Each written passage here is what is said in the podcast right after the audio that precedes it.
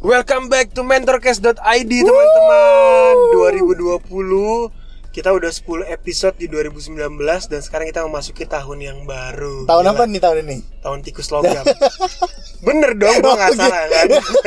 Tapi 2020 ini teman-teman Kita punya suatu hal yang uh, luar biasa Fresh kita ya, punya, fresh. Iya, kita punya member baru Ih. Jadi kita langsung kenalin aja teman kita yang satu ini jeng jeng jeng jeng jeng, jeng Jeremy Emmanuel.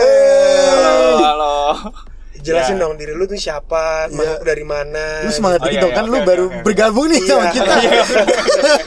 Ya, ya oke. Nama gue Jere. Eh, gue kebetulan adik kelasnya dari eh satu satu kampus Ih, sih. Dede emas bro. Jangan. Jadi gue eh, apa namanya satu kampus sama eh, Kak Andre dan eh, Kak Kris. Ih, emas, emas banget cara ngomongnya. Ya, ya, ya. Eh, dan sekarang gue baru aja lulus masih fresh grade dan eh, lagi intern di Glints Wih. Indonesia. Cleans itu apa tuh? Eh, headhunter gitu ya. Ya semacam uh, headhunter job posting yang bantu nyocokin uh, uh, talent-talent dengan uh, apa namanya company-company-nya Ah, gitu. Oke oke. So Jere akan join di 2020 bersama dengan mentorcast.id. Yes. Dan teman-teman di 2020 kita akan punya format yang baru ya. Ya, Jadi mungkin eh, nanti kita akan berjalan masing-masing. asik. Asik. Kok asik ya? Enggak, enggak asik sih. sedih Eh, tapi enggak asik, gimana Iya. sih gitu. tapi tujuannya satu teman-teman biar kita semakin konsisten untuk uh, deliver konten sharing ke teman-teman kalau Yes. bisa kasih insight ke teman-teman lebih sering lagi I think it's a good thing ya Ya, betul. gitu karena setiap kita juga profesional di bidangnya masing-masing Yep. dan kita tetap punya hati untuk mau sharing ke teman-teman melalui mentorcast ID ini Heeh. so untuk 2020 dari Januari sampai Juni Kita kita, punya satu fokus Hmm. itu tentang employment Asik. anything about employment tentang pekerjaan tentang working force yang working force apa ya? Workforce, bro. workforce workforce ya bahasa Workforcing, Inggris gue jelek juga enggak ada. yang teman-teman pengen tahu uh, feel free untuk tanya juga ke kita feel free untuk mungkin kasih masukan juga kita sehingga kita tahu apa yang mau kita bahas untuk teman-teman semua Exactly. Nah, teman-teman, masuk ke 2020 nih, banyak yang mungkin New Year, New Me, New Year, New Job.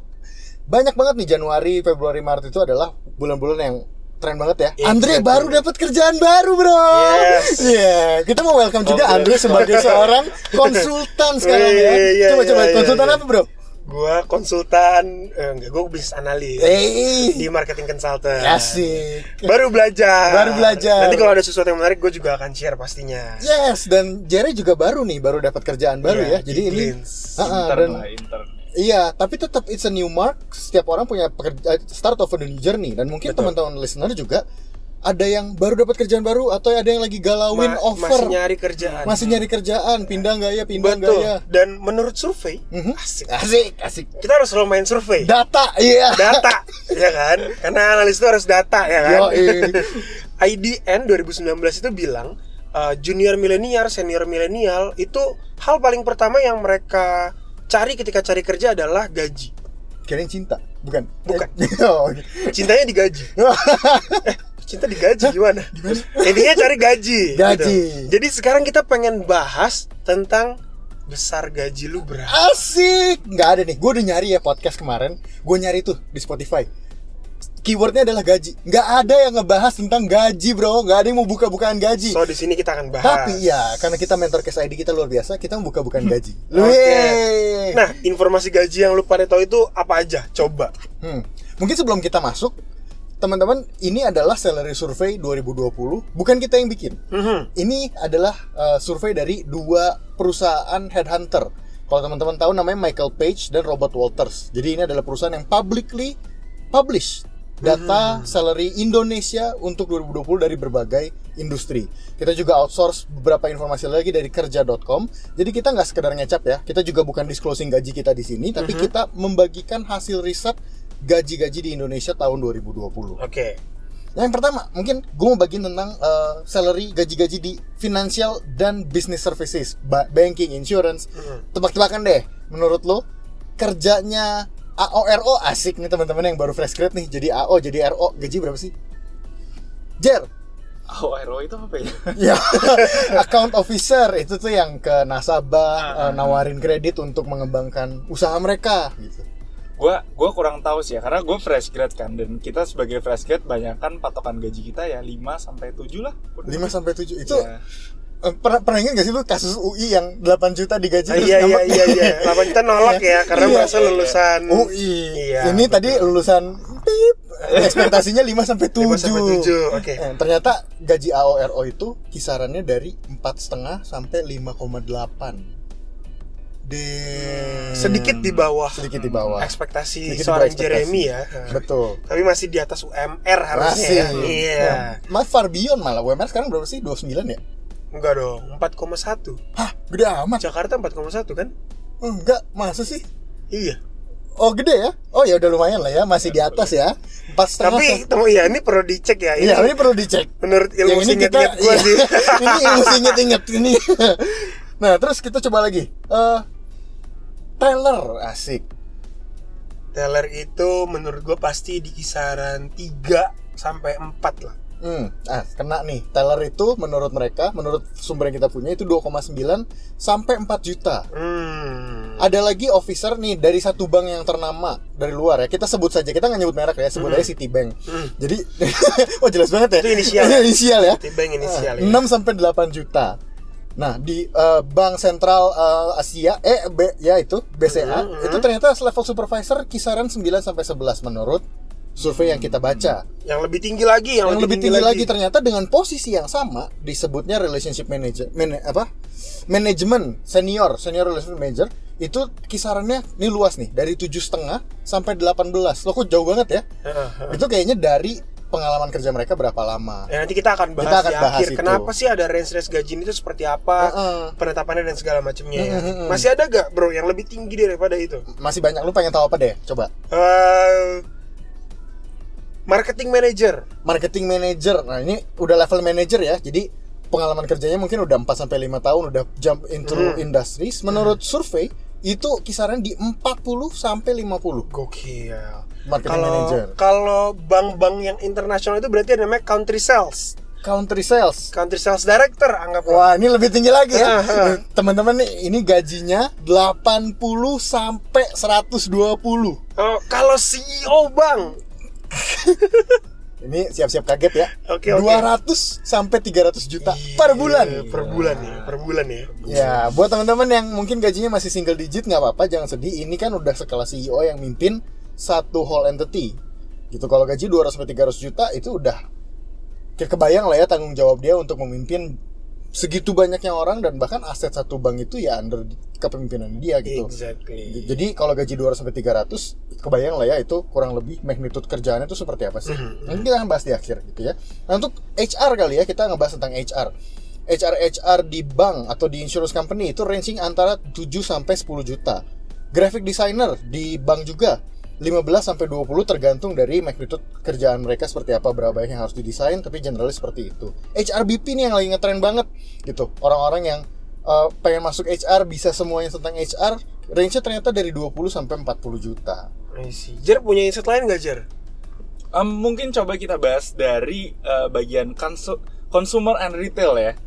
Consumer and retail. Consumer retail ini kayak apa nih contohnya, Bro? Eh, contohnya kayak eh, barang-barang yang sering dikonsumsi sama orang-orang lah kayak rokok gitu misalnya atau atau eh, apa Gojek, Grab, FMCG itu. termasuk juga berarti Iya, FMCG juga Hmm. gitu. Gimana gimana? Yang pertama adalah untuk eh, sekretaris. Asik. Sekretaris. Ini berarti wanita biasanya. Wanita. Biasanya. Biasanya. Biasanya. Di perusahaan rokok. Hmm, Iya. Berapa kira-kira range-nya? Gede sih harusnya kalau rokok ya. Eh, gua nggak tahu. Apa tujuh? 7? 9. 7 ya? Hampir benar. Jadi range-nya adalah 8 sampai 9 juta. Eh, Guys. Gede ya sekretaris gede ya? ya. Wow. itu itu gaji yang tangible ya. Belum dibayarin bos kalau makan. Bener. Gaji gua kemarin nggak gini. Wow, pelan-pelan bocor halus ya teman-teman. Mungkin mau coba jadi sekretaris rokok? boleh? Ada yang mau hire saya boleh? Lagi-lagi jar apa lagi jar? Iya. Oke, mungkin lebih baik dari sekreta- sekretaris rokok dikit untuk Pak Andre gitu ya. coba coba jadi asisten manajer rokok misalnya gitu. Oh, oke. Itu kisarannya bisa Kalau udah level asmen tuh berapa ya, Bro? 10, 11. Tebakan gue 11 ya? 20-an sih. 20-an ya. Heeh. Oke, yang paling benar adalah 19 sampai 22 juta. Oke, Hmm. tinggi ya. Asisten manajer Asisten tinggi ya. Hmm. Wow, wow, wow. Kalau gitu SPV gimana? Gimana kalau kita sebut company-nya, Bro? SPV di mana nih? Oh ya boleh. SPV di uh, let's say uh, perusahaan rokok Sampurna. Oh, ini besar nih Asik, pasti. besar nih. SPV Internasional. itu di bawah Asmen atau di atas Asmen ya? Di bawah sih Di bawah Di Asmen. bawah. Ya? Berarti kalau tadi 1920 mungkin kisaran 15 juta. Ya, harusnya sih segituan ya. Iya.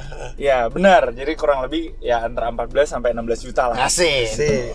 Kalau asisten project manager, Aduh, apa nih asisten project manager? Project bro? manager retail itu loh ya. Maksudnya yang bikin program-program untuk Kayak Asmen juga bisa nggak sih kalau- harusnya? Iya, Kayak kalau Asmen misalnya ya. ada project apa segala dia yang bantu buat ngurusin. mungkin masih 15 Masih juta 15-an sih, lah, 15 Asmen. juta sih. Ya kurang lebih ya 15 sampai 18 juta. Hmm. Oke, oke. Ada apa lagi yang lain-lainnya nih?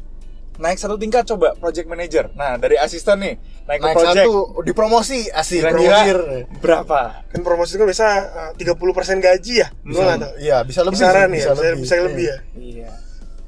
Iya, 30 40 50. Iya. Mungkin 20 20-an, 27. 20 dulu ya. Iya. Jawabannya adalah 30 sampai 40 Oh, gede juta. ya. Oh. Itu 100% Hampir Ini iya, rokok semua hampir dari dua tadi kali ya. lipat. Ya, selain rokok, selain, Saya rokok, saya rokok. Ya udah, kita cari yang umum yang banyak membantu kita uh, ketika kita pengen ke mana-mana deh. Uh, Gojek atau Grab driver. Oh, itu sih tergantung. Ya pasti order. tergantung, iya Hmm. tergantung seberapa rajin dia. Seberapa ini. rajin, benar. Tapi Nah, mungkin kisarannya ya di angka. Gue sering dengar sih. Heeh. Biasanya supir Gojek itu bisa bilang mereka di angka 6 sampai 7. Wah, ini Sampai tujuh penumpang yang baik yang ngajak ngobrol Abang Grab ya.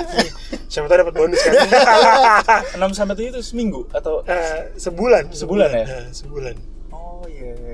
Oh. Ya, jadi uh, untuk uh, Gojek driver menurut survei adalah 1 sampai 8 juta. Eh, Lumayan Ya. loh. Kalau rajin 8 juta tuh ngalahin fresh Grab. Kalau Iya. rajin 1 juta. Iya. Iya, apa gua drop out aja.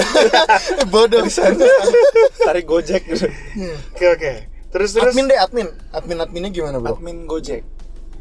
Ya, gua kisaran ya 3 sampai 5 lah. 3 sampai 5. Ya, normal lah ya admin di banking juga segituan, admin di tour and travel, industri lain-lain juga harusnya segituan sih. Kalau kaitan sama data, data di Gojek kan biasa pusatnya tuh. Wah, iya. Gede itu harusnya. Ada Lagi apa aja? lihat-lihat lu lagi nyontek ya? Ada apa aja tuh? Eh, kurang lebih kalau data menurut eh, surveinya adalah 8 sampai 10 juta. Lumayan loh. Iya, lumayan ya. Dan itu mah Lumayan, ada ada iya. opportunity untuk entry level ya. Betul. Mm-mm. Kan data, data data apa? Data proses improvement namanya ya. Iya, data process improvement.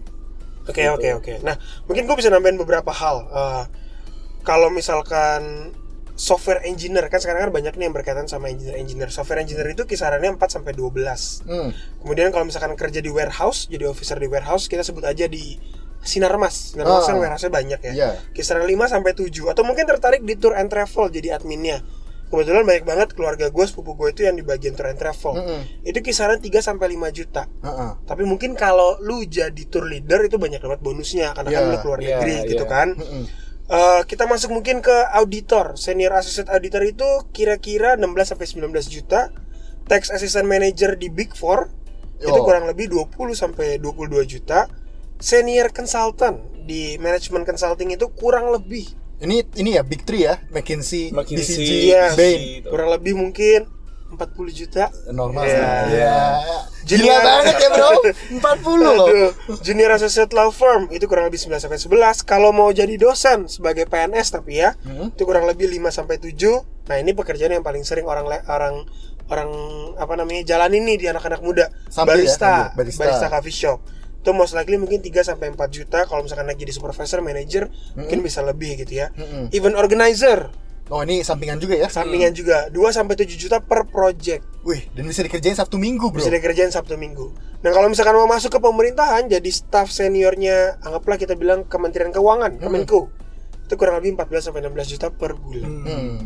Jadi ini kurang lebih range gaji yang kita dapat dari hasil-hasil survei, Ya, gitu ya, yang luar biasa amazing, membuat kita mungkin pengen jadi riset eh gila. driver Gojek Oh. atau pengen jadi yang lain, yang lain, yang lain gitu ya. Oh iya. Yes, yes. Ya paling pengen jadi CEO sih tadi Iya. 200 sampai 300 juta. Heeh. Cuma pertanyaannya sebenarnya bro, kan lu ini kan HR nih, ya Iya. kan? Lu OD kan, Heeh. overdosis. Oh.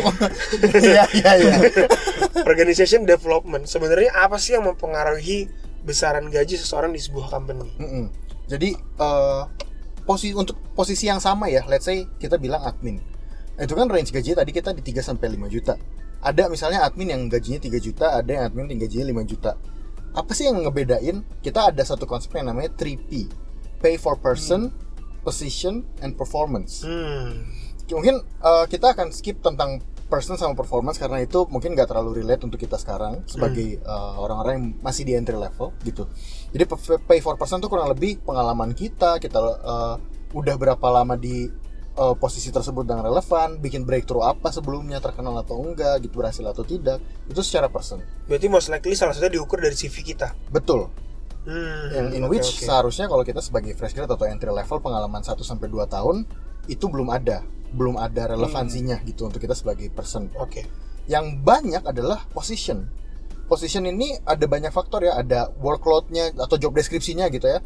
Ada yang admin yang termasuk di dalamnya ngurusin event. Mhm. Judulnya admin, tapi kalau giliran ada event dia juga yang turun tangan. Mhm. Ada admin yang benar-benar di belakang komputer doang tuh dari jam 9 sampai jam 5 dan itu akan mendiversifikasi gaji dia gitu ya itu dari job desk-nya lalu dari magnitude-nya gitu kayak tadi CEO kenapa sih bisa 300 juta karena dia sekali bikin kebijakan nilainya tuh bisa triliunan rupiah makanya resiko pekerjaan dia besar nih dampaknya bisa ke satu satu eh, apa triliunan rupiah gitu kan. Makanya resik eh, karena resikonya besar dia dikompensasi juga besar. Dia tahu dia bisa dicopot kapan saja kalau kebijakannya nggak benar. Hmm. gitu.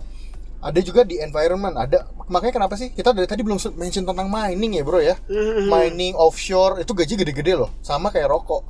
Cuma yang bikin mereka beda adalah karena mereka work locationnya banyak kan remote harus lepas dari keluarga Dan itu diperhatikan pulang. sama company ya? diperhatikan itu dikompensasikan juga di dalam posisi mereka pay for positionnya makanya orang-orang yang kerja di offshore itu ada ada komponen yang besar untuk itu gitu ketika mereka diposting di luar Mhm. gitu environment gitu kan eh, apakah working areanya eh, beresiko untuk mereka ketimpa tiba-tiba ketimpa batu mati gitu kan itu juga termasuk bagian dari pay-nya gitu high risk high return high risk ya. high return gitu ada juga mencakup bonus gitu ya jadi sometimes kita nggak bisa langsung plek-plekan ngebandingin gaji saya 3 juta gaji dia 5 juta gitu gajiannya berapa kali gitu lu coba deh lu sekarang gajian berapa kali bro di company Gue sekarang nggak gajian kan lagi. oh lagi belum ya Dua minggu gue nganggur. Yes.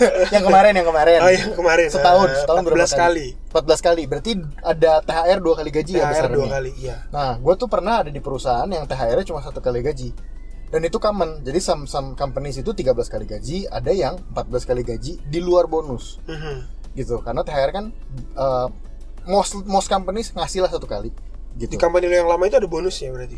Ada ada bonus for performance. Jadi kalau kita kita kan ada performance appraisal itu bisa dapat sampai uh, 3 sampai 5 kali gaji. Oh, I see. Jadi di luar itu. Jadi tadi kan udah berapa tuh? 13. 13 kali ya Berarti- minim-minim 3 kali lagi jadi 16 sampai 16. 18 ya. Nah, Jadi let's say gaji lu 3 juta.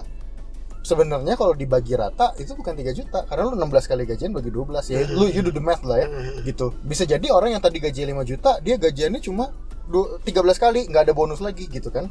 Jadi nggak serta merta langsung kayak, "Ih, apa sih kok gua gajinya cuma 3 juta, dia 5 juta." Eh bisa jadi lu gajiannya lebih banyak atau bisa jadi di perusahaan lu sekarang lu resikonya lebih kecil, magnitude kerjanya lebih kecil gitu. Jadi eh, buat teman-teman semua yang lagi galau mau cari kerja dibandingkan offer dengan lagi nerima offer nih dari perusahaan lain, salah satu yang harus dipegang atau diingat-ingat adalah benefit yang lain di luar angka tadi gitu.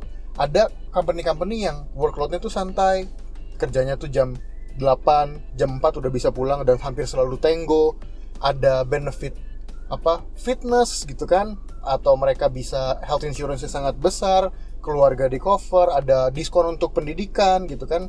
Bisa sama universities nawarin kayak kemarin bro di tempat kerja lu. Gue inget lu eh, kuliah tuh diskon kan? Diskon 50% gua. Karena lu karyawan? Karena gua karyawan di universitas itu. itu, Heeh. Nah, 50% diskon itu kan juga gede gitu. Dan hitungannya kalau kita manfaatkan itu juga bagian dari gaji karena bulanan kan gitu. Nah itu nilai-nilai yang bisa juga dimasukkan gitu. Mungkin gua eh, melihat highlight paling besar ya gua nggak tahu ya eh, yang paling utama sebenarnya adalah tang besarnya tanggung jawab. Betul. Kalau yang lain-lain kan berarti kan bonus bonus bonus bonus yang menentukan besaran gaji setahun itu yep. jadinya kecil atau gedenya itu nggak bisa dilihat cuma dari lu gaji per bulannya berapa gitu Betul, kan ya. betul. Kayak tadi ada bonus 3 sampai 5 kali gaji Iya. ada ini itu dan segala macam tapi lebih ke arah tanggung jawabnya dan safety-nya. Yes. itu dua hal utama yang harus lu perhatikan ketika lu mungkin bergen gaji Betul. waktu awal kali lu masuk kerja. Mm-mm. Karena apalagi fresh grade mau masuk entry level belum tahu nih Yep. range gajinya seperti apa Heeh. gitu ya. Eh, dan itu bisa jadi pertimbangan utama dan dan kalau kamu dapat gaji yang ibaratnya belum dua digit, Mm-mm. jangan ngedumel. Yep. Ya, karena mungkin memang lu masuk di bagian yang tanggung jawabnya belum begitu besar. Mm-mm. Sehingga ya gajinya ya sesuai dengan besaran tanggung jawab yang akan kamu jalankan nantinya gitu kan. Mm-mm. Nah, Oh. gue inget nih sempat ngobrol sama Jere kalau pindah perusahaan ada ada researchnya ya Jer ya. Hmm. Dia bisa dengan posisi yang sama dia pindah perusahaan ada increase berapa persen ya bro?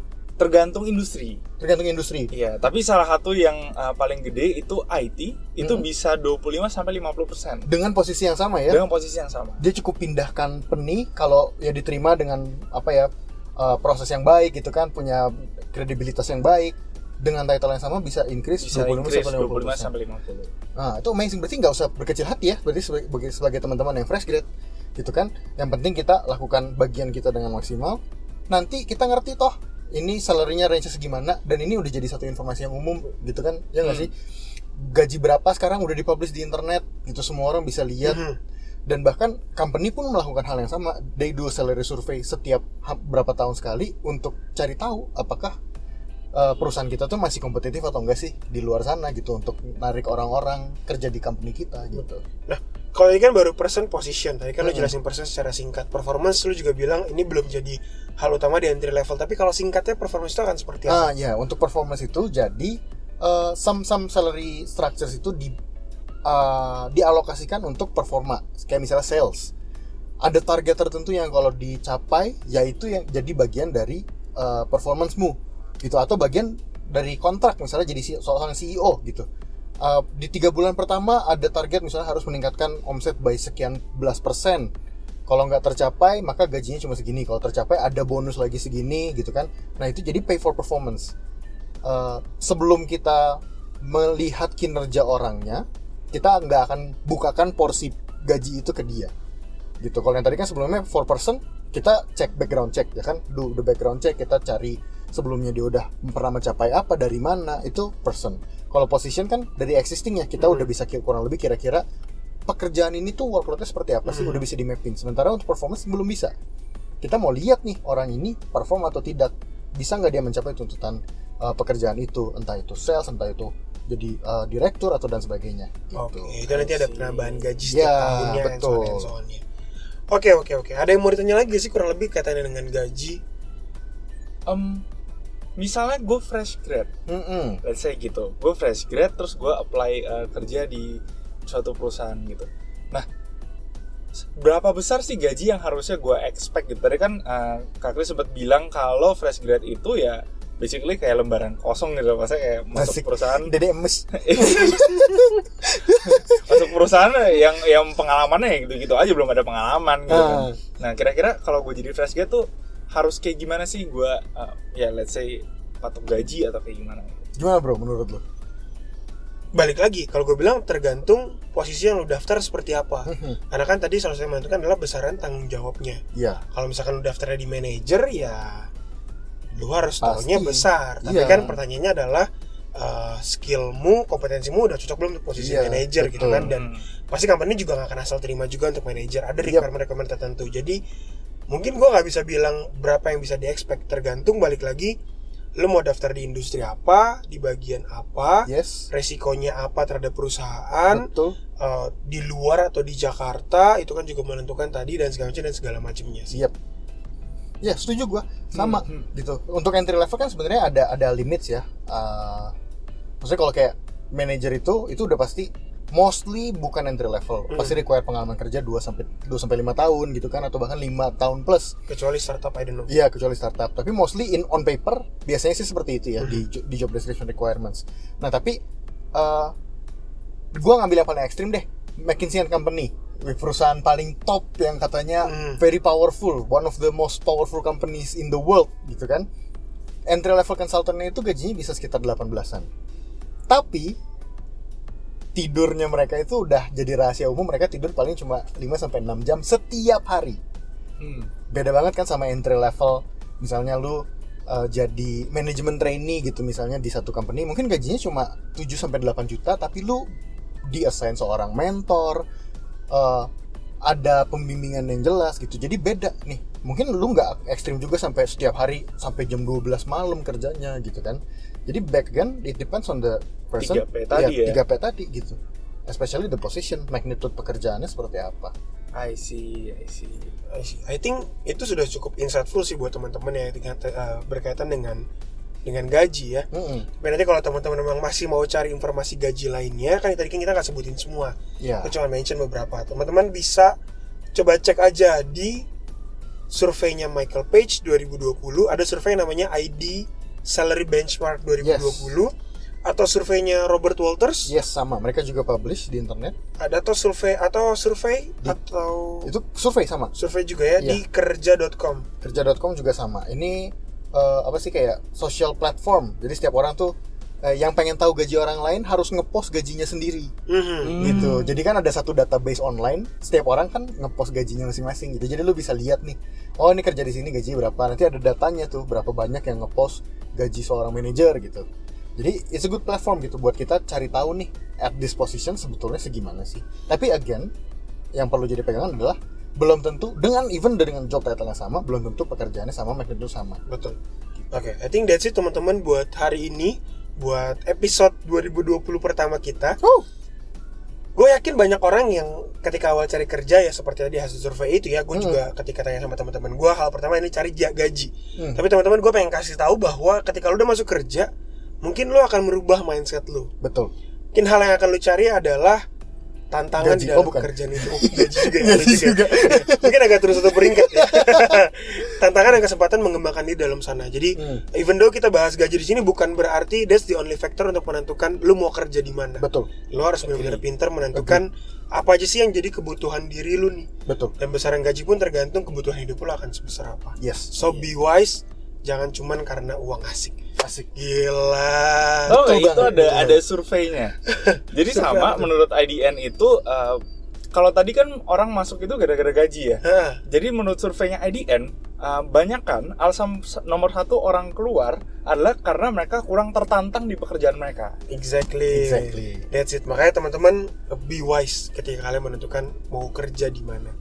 Think that's it for today. Yep. Again kalau teman-teman punya insight, pengen komen, feel free untuk uh, langsung aja komen DM di sini kita. ya di bawah ini oh Nggak bisa pak, iya ada nggak bisa. bisa Ah, Podcast nggak bisa Oh, komen bisa ke mana-mana. gitu ya Komen sama teman sebelah lu Oh, aja iya. lagi dengerin di mobil atau di mana gitu ya.